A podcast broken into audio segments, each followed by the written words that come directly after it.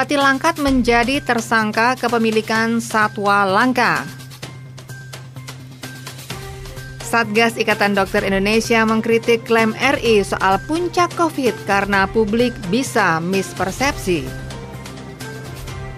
Kapolri didesak untuk mencopot Kapolda Sulawesi Tengah usai warga tewas saat demo. Dari kawasan Jalan Jagalan 36 Yogyakarta, segera Anda ikuti Detak, deretan Warta Aktual Reco Buntung 99,4 FM.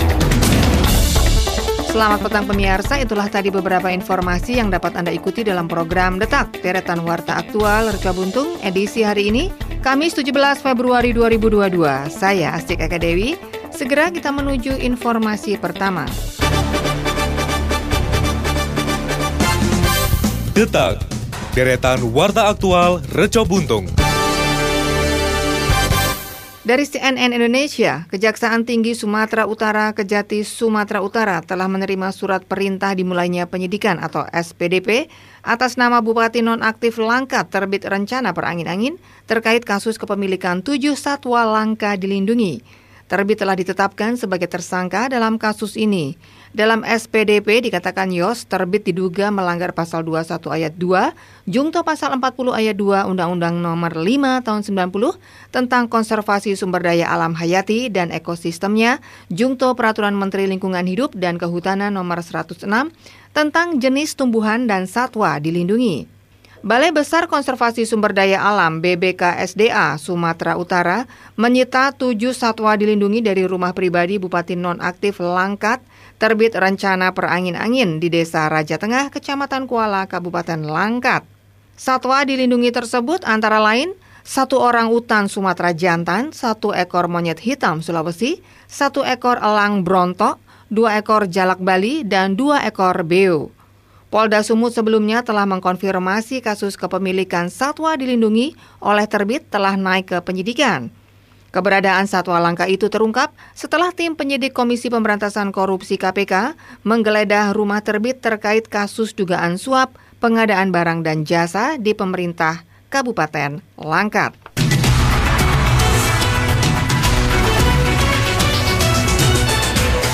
Pemirsa Ketua Satgas COVID-19 Pengurus Besar Ikatan Dokter Indonesia PBID Zubairi Jurban mengkritik pemerintah yang mengklaim sejumlah provinsi mulai menuju atau bahkan sudah melewati puncak dari lonjakan kasus virus corona yang merupakan dampak dari varian SARS-CoV-2 B11529 atau Omicron di Indonesia. Zubairi lantas mengingatkan bahwa jumlah penambahan kasus COVID-19 nyatanya terus meningkat. Penambahan kasus yang terjadi pada Rabu 16 Februari kemarin bahkan sudah tembus 64.718 kasus dan terhitung merupakan rekor tertinggi selama pandemi COVID-19 menjangkiti Indonesia sejak 2 Maret 2020 lalu. Memang benar rumah sakit tidak kewalahan, tetapi jangan buru-buru menyatakan kita sudah di puncak gelombang dan menuju turun, karena publik bisa mispersepsi. Demikian Zubairi melalui cuitan di akun Twitter pribadinya, at Profesor Zubairi hari Kamis 17 Februari. Zubairi juga menyinggung temuan data kasus mingguan di Indonesia yang sudah menduduki peringkat ke-12 di dunia apabila merujuk pada situs pencatatan COVID-19 secara global World Do Matters. Dengan demikian, ia menyarankan agar baik pemerintah dan warga tidak lengah dalam tugasnya masing-masing. Pemerintah memperbanyak upaya surveillance, program vaksinasi COVID-19 dan juga pembatasan kegiatan masyarakat.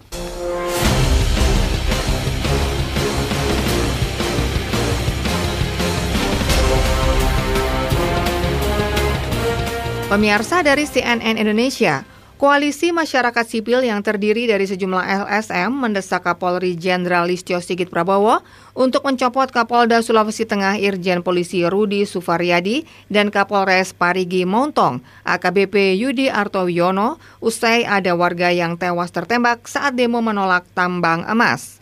Anggota Divisi Hukum Komisi untuk Orang Hilang dan Korban Tindak Kekerasan Kontras, Abimanyu Septiaji menilai kedua pimpinan Korps Bayangkara itu gagal menangani aksi massa. Mereka juga mendesak Listio agar memproses dugaan pembunuhan oleh aparat. Mereka meminta agar kasus itu diproses di peradilan umum. Hal ini bertujuan agar memberikan efek sehingga kejadian tersebut tidak terulang. Kontras pun mendesak Menteri Energi dan Sumber Daya Mineral menstop operasi dan mencabut izin usaha pertambangan PT Trio Kencana yang diprotes oleh warga. Gubernur Sulawesi Tengah Rusdi Mastura didesak agar berkomitmen menyelamatkan mata pencaharian dan tempat tinggal warga Parigi Mautong dari kerusakan lingkungan. Rusdi juga diminta agar melindungi warganya terutama perempuan dan anak-anak dari tindakan represif. Pemirsa, kita hentikan sejenak detak reca buntung untuk kita ikuti kumandang adzan maghrib untuk daerah istimewa Yogyakarta dan sekitarnya. Allahu Akbar Allah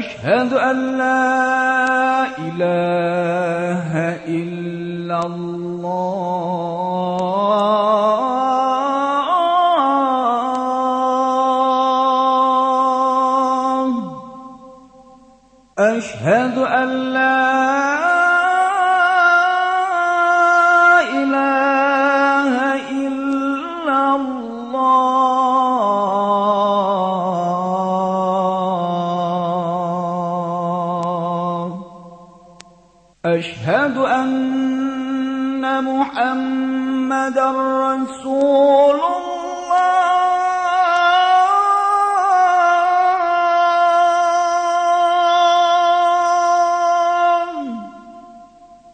أشهد أن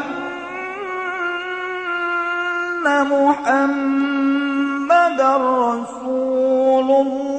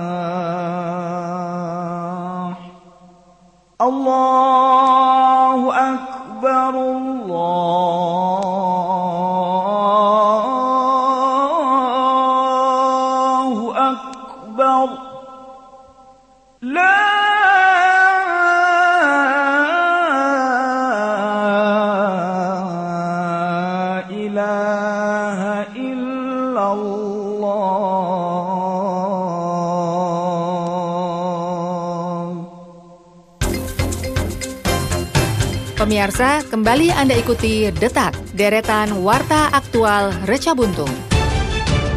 Detak, deretan Warta Aktual Reca Buntung.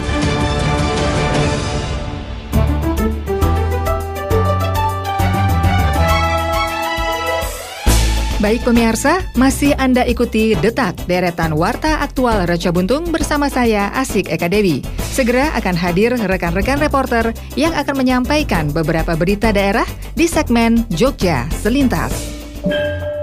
Baik, terima kasih rekan Asik Eka Dewi. Pemirsa Jogja Selintas kami awali dari Sleman.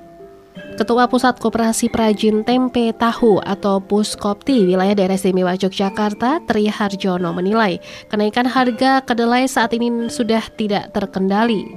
Para perajin tahu tempe pun sangat gelisah, karenanya ia meminta agar pemerintah segera turun tangan untuk menstabilkan harga kedelai. Kenaikan harga bahan baku pembuatan tempe tahu ini sangat berdampak pada para pengrajin, terutama pengrajin kecil dengan skala produksi di bawah 50 kg per hari. Di DIY sendiri ada sekitar 2.500 hingga 3.000 anggota yang tersebar di Primkop di kabupaten ataupun kota. Jumlah bahan baku kedelai yang dibutuhkan sekitar 1.000 ton per bulan. Menurutnya, para perajin tahu tempe saat ini sedang dirundung gelisah karena stok bahan baku kedelai terbatas dan harganya naik tak terbendung. Harga kedelai impor yang biasa digunakan membuat tempe tahu saat ini di pasaran sudah menyentuh angka Rp11.400 per kilogram. Kenaikan harga ini merangkak perlahan sejak awal pandemi yang semula Rp6.800 per kilogram. Menurutnya, kenaikan harga yang tak terkendali ini tentu sangat memberatkan para pengrajin tahu ataupun tempe skala kecil. Pengrajin yang sudah besar mungkin tidak begitu terdampak sebab mereka bisa membeli langsung kebutuhan bahan baku ke importir dalam jumlah banyak sehingga bisa menekan harga. Sementara bagi pengrajin kecil belanja bahan baku harian, padahal harga kedelai setiap harinya naik dan hal tersebut tidak dibarengi dengan kenaikan harga tempe ataupun tahu yang diproduksi. Kita beralih ke Kulon Progo. Pemirsa industri batik di Kabupaten Kulon Progo mulai menggeliat setelah sempat mengalami kelesuan gara-gara pandemi COVID-19. Hal tersebut tidak lepas dari inovasi yang dilakukan oleh para pengrajin. Karakter motif nan unik yang diciptakan oleh setiap pengrajin menjadi senjata ampuh bagi industri batik di Kabupaten Kulon Progo. Berkat keberanian tersebut, omset penjualan batik pun mengalami peningkatan. Pemilik Sinar Abadi Batik Agus Faturrahman misalnya berinovasi dengan menciptakan motif batik geblek renteng. Hasilnya motif batik tersebut sekarang pun bisa terjual antara 1000 sampai 1500 potong batik per bulan. Awal pandemi COVID-19 melanda, penjualan batik miliknya turun signifikan. Setiap hari Agus hanya bisa menjual 300 potong. Setelah berinovasi, ia mulai bisa melego batik rata-rata 500 potong per hari. Menurutnya, saat ini batik masih diminati oleh kalangan dewasa hingga orang tua. Ia menyebut belum begitu laku di kalangan anak muda. Ia pun mencoba membidik pasar tersebut dengan batik motif baru. Demikian pemirsa informasi dari Sleman dan Kulon Progo, sumber berita dari tribunjogja.com. Kita beralih ke berita kota Yogyakarta bersama rekan dari Pradita. Baik, terima kasih Maida Mara. Pendengar pengajuan dispensasi pernikahan yang belum memenuhi syarat usia perkawinan sesuai undang-undang mengalami tren penurunan di kota Yogyakarta. Hal tersebut seperti disampaikan Kepala Dinas Pemberdayaan Perempuan Perlindungan Anak Pengendalian Penduduk dan Keluarga Berencana atau DP3AP2KB Kota Yogyakarta Edi Muhammad. Pihaknya menyatakan berdasarkan data dispensasi pernikahan di tahun 2021 dibanding tahun-tahun sebelumnya mengalami penurunan. Namun demikian, pihaknya juga menyatakan Pemkot Yogyakarta terus berupaya mencegah terjadinya pernikahan usia anak Sebagaimana data yang diperoleh pada tahun 2021 lewat UPT PPA ada 46 pasang dan yang lewat pengadilan agama tahun 2021 ada 64 pasang. Tahun-tahun sebelumnya lebih banyak sehingga penurunan terlihat cukup signifikan untuk pernikahan anak. Pihaknya juga merinci 46 pasang atau 92 jiwa dispensasi pernikahan di tahun 2021 di kota Yogyakarta meliputi umur 12 hingga 14 tahun ada satu jiwa, umur 15 hingga 17 ada 31 jiwa dan di atas 18 tahun ada 60 jiwa. Sedangkan berdasarkan klasifikasi pasangan ada 7 pasangan anak, 19 pasangan anak dan dewasa, dan 20 pasangan dewasa. Sedangkan alasan dispensasi pernikahan beragam yaitu karena kehamilan, mencegah hal negatif, dan setelah menikah pindah keluar DIY dan kewajiban orang tua. Selanjutnya, Pemkot Yogyakarta juga terus melakukan berbagai upaya untuk mencegah terjadinya pernikahan anak. Di antaranya melalui pembentukan Forum Anak Kota Yogyakarta, menjadi pelopor dan pelapor perlindungan anak terpadu berbasis masyarakat di 45 kelurahan, dukungan psikolog di 18 puskesmas di kota Yogyakarta, kemudian pusat pembelajaran keluarga, pusat informasi dan konseling remaja, dan mengaktifkan forum generasi berencana. Selain itu, pembentukan pola asuh anak dan remaja di era digital. Kemudian sekolah ramah anak, rumah ibadah ramah anak dan melibatkan organisasi masyarakat. Edi Muhammad juga menegaskan bahwa pencegahan pernikahan anak yang berperan tidak hanya dari Pemkot Yogyakarta, akan tetapi keluarga, masyarakat, dunia usaha, dan media, sehingga bersama-sama dapat mewujudkan kota Yogyakarta yang layak anak dan kota yang mengawal warganya tumbuh menjadi keluarga sehat dan berketahanan. Sementara itu, Panitra Muda Permohonan Pengadilan Agama Kota Yogyakarta Titi Andriani menjelaskan, pada tahun 2018 ada 45 perkara permohonan pernikahan anak. Tahun 2019 57 perkara, tahun 2020 sebanyak 72 perkara dan tahun 2021 ada 64 perkara. Sedangkan rata-rata yang mengajukan permohonan dispensasi pernikahan ada yang berusia 15 tahun, 16 tahun, dan 18 tahun. Pendengar memilih kosmetik yang aman merupakan hal penting yang diperlukan, tidak hanya bagi perempuan tapi juga bagi laki-laki, terutama di tengah produksi kosmetik yang kian beragam hingga saat ini. Oleh karena itu, pengguna kosmetik harus selektif, jeli, dan cerdas dalam memilih produk kosmetik yang akan digunakan. Hal tersebut disampaikan Wakil Ketua 1 Tim Penggerak Pemberdayaan Kesejahteraan Keluarga atau Tim Penggerak PKK Daerah Istimewa Yogyakarta GKBRAY Paku Alam saat menghadiri acara penyebaran informasi tentang memilih kosmetik aman pada Selasa 15 Februari 2022. Acara diselenggarakan oleh Balai Besar Pengawasan Obat dan Makanan atau BPOM di Yogyakarta. Pihaknya juga menyatakan sekarang kosmetik tidak hanya digunakan untuk perempuan dewasa, tapi anak-anak pun memakainya. Begitu pula laki-laki. Selanjutnya, Gusti Putri menuturkan kecocokan suatu produk kosmetik pada kulit setiap orang belum menjamin pada produk kosmetik yang digunakan tersebut aman. Begitu pula dengan tingkatan harga dari setiap produk. Untuk itu, pihaknya mengajak ibu-ibu untuk selektif dalam memilih kosmetik agar aman. Sementara itu, Kepala Balai Besar Pengawasan Obat dan Makanan atau BPOM DIY, Dewi Prawitasari menyatakan sosialisasi pengawasan tidak hanya terhadap kosmetik yang beredar, melainkan mulai dari produk suatu kosmetik. BPOM melakukan pengawasan dari sarana yang akan memproduksi kosmetik hingga produk yang telah jadi. Selanjutnya, pihaknya mengatakan bagi produk kosmetik yang telah memenuhi persyaratan pemerintah, kemudian akan diberikan nomor izin edar yang disebut notifikasi. Persyaratan edar kosmetik sendiri menandakan bahwa produk kosmetik harus aman, bermutu, bermanfaat, serta memiliki penandaan dan klaim.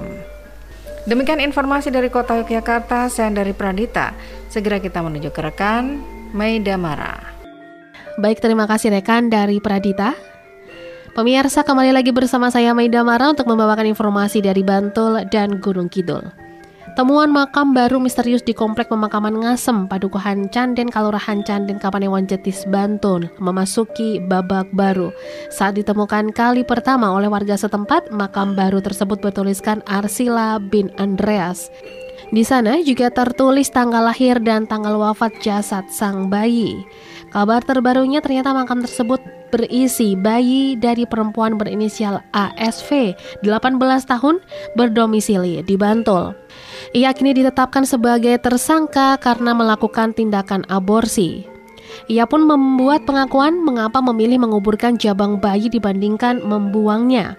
Pengakuan tersebut terungkap ketika ASV dihadirkan saat polisi menggelar rilis kasus aborsi di Mapores Bantul pada Rabu 16 Februari kemarin. Ia juga mengakui perbuatan tersebut murni inisiatif sendiri untuk melakukan aborsi. Tidak ada hubungannya dengan orang lain termasuk pacarnya sendiri saat membeli obat yang dikonsumsi. Ia juga mengaku melahirkan secara sendirian tidak dibantu oleh siapa pun. Pemirsa kita beralih ke Gunung Kidul. Tanah longsor dilaporkan terjadi di wilayah Padukahan Jelok, Kelurahan Watu Gajah, Kapanewon Gedang Sari, Gunung Kidul. Material batu besar dan tanah pun memblokir akses jalan kabupaten di wilayah tersebut. Kepala Seksi Pencegahan, Kesiapsiagaan, Rehabilitasi, dan Rekonstruksi Badan Penanggulangan Bencana Daerah atau BPBD Gunung Kidul, Agus Wibawa, menyampaikan longsor terjadi pada Selasa 16 Februari malam. Longsor diperkirakan terjadi sekitar pukul 23.30 waktu Indonesia Barat. Adapun bagian tanah yang longsor merupakan tebing atau tanah padas yang berada persis di sisi jalan. Longsor terjadi diduga akibat kondisi tanah yang labil. Agus menyampaikan bagian yang longsor memiliki dimensi tinggi 8 meter dan juga lebar 4 meter. Material longsoran membuat jalan terblokir total, tidak bisa dilewati kendaraan roda 4 ataupun roda 2. Kerugian akibat kejadian ini diperkirakan mencapai 6 juta rupiah. Demikian pemirsa informasi dari Bantul dan Gunung Kidul, sumber berita dari tribunjogja.com.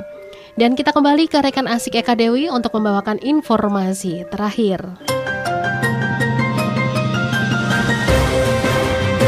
Terima kasih untuk rekan-rekan reporter yang sudah mengabarkan informasi di segmen Jogja Selintas. Dan pemirsa, sekarang kita sampai ke informasi yang terakhir. Detak, deretan warta aktual Reco Buntung. Dari Tribun Jogja.com Sanksi bagi penolak vaksin di daerah istimewa Yogyakarta yaitu terancam penundaan hingga penghentian bansos. Warga di DIY yang terdaftar dalam program jaminan sosial namun menolak divaksin COVID-19 terancam tidak dapat menerima bantuan sosial atau bansos dari pemerintah. Hal itu diatur dalam peraturan daerah tentang penanggulangan COVID di DIY pasal 27. Dalam pasal itu disebutkan setiap orang yang telah ditetapkan sebagai sasaran penerima vaksin namun tidak mengikuti program tersebut akan dikenakan sanksi administratif. Sanksi yang diberikan bisa berupa denda administratif maupun penundaan atau penghentian pemberian bansos. Demikian Sekda DIY Kadarmanta Baskara Aji di Kompleks Kepatihan Yogyakarta, Rabu 16 Februari kemarin. Dalam waktu dekat, perda tersebut belum akan diberlakukan sebab aturan tersebut baru memasuki tahap penomoran sebelum resmi diundangkan. Dengan diterbitkannya perda tersebut, maka Pemda DIY memiliki payung hukum dalam penerapan sanksi Sebab saat ini upaya pengaturan prokes masih dalam bentuk peraturan gubernur sehingga Pemda DIY tidak bisa menerapkan sanksi. Aji menjelaskan sanksi yang diberikan dilakukan secara bertahap mulai dari sanksi yang tergolong ringan hingga berat. Pelanggaran terberat nantinya akan mendapatkan sanksi pidana 6 bulan kurungan atau denda administratif sebesar 50 juta rupiah. Pemirsa, Ayo kita kompak dan serius mencegah penyebaran virus corona dan lindungi anggota keluarga dengan anteng di rumah saja. Jika terpaksa keluar rumah, segera mandi dan ganti baju setelah dari luar rumah. Stop menggantung baju setelah dipakai di luar rumah. Ganti baju segera sesampainya di rumah. Jangan bersandar atau menyentuh apa pun sepulang dari bepergian. Hindari kontak dengan anak-anak atau anggota keluarga lainnya sebelum mandi dan ganti baju. Pemirsa, informasi tadi menutup program Detak edisi hari ini Kamis 17 Februari 2022. Ikuti kembali program Detak deretan Warta Aktual Reco Buntung esok petang pukul 18 waktu Indonesia Barat. Radio lawan COVID-19. Jangan lupa cuci tangan pakai sabun, jaga jarak, jangan berkerumun, gunakan masker, dan lebih baik di rumah saja. Saya Asika Dewi, selamat petang dan sampai jumpa. Pemirsa, telah Anda ikuti Detak, Deretan Warta Aktual, Produksi, Tercobuntung 99,4 FM.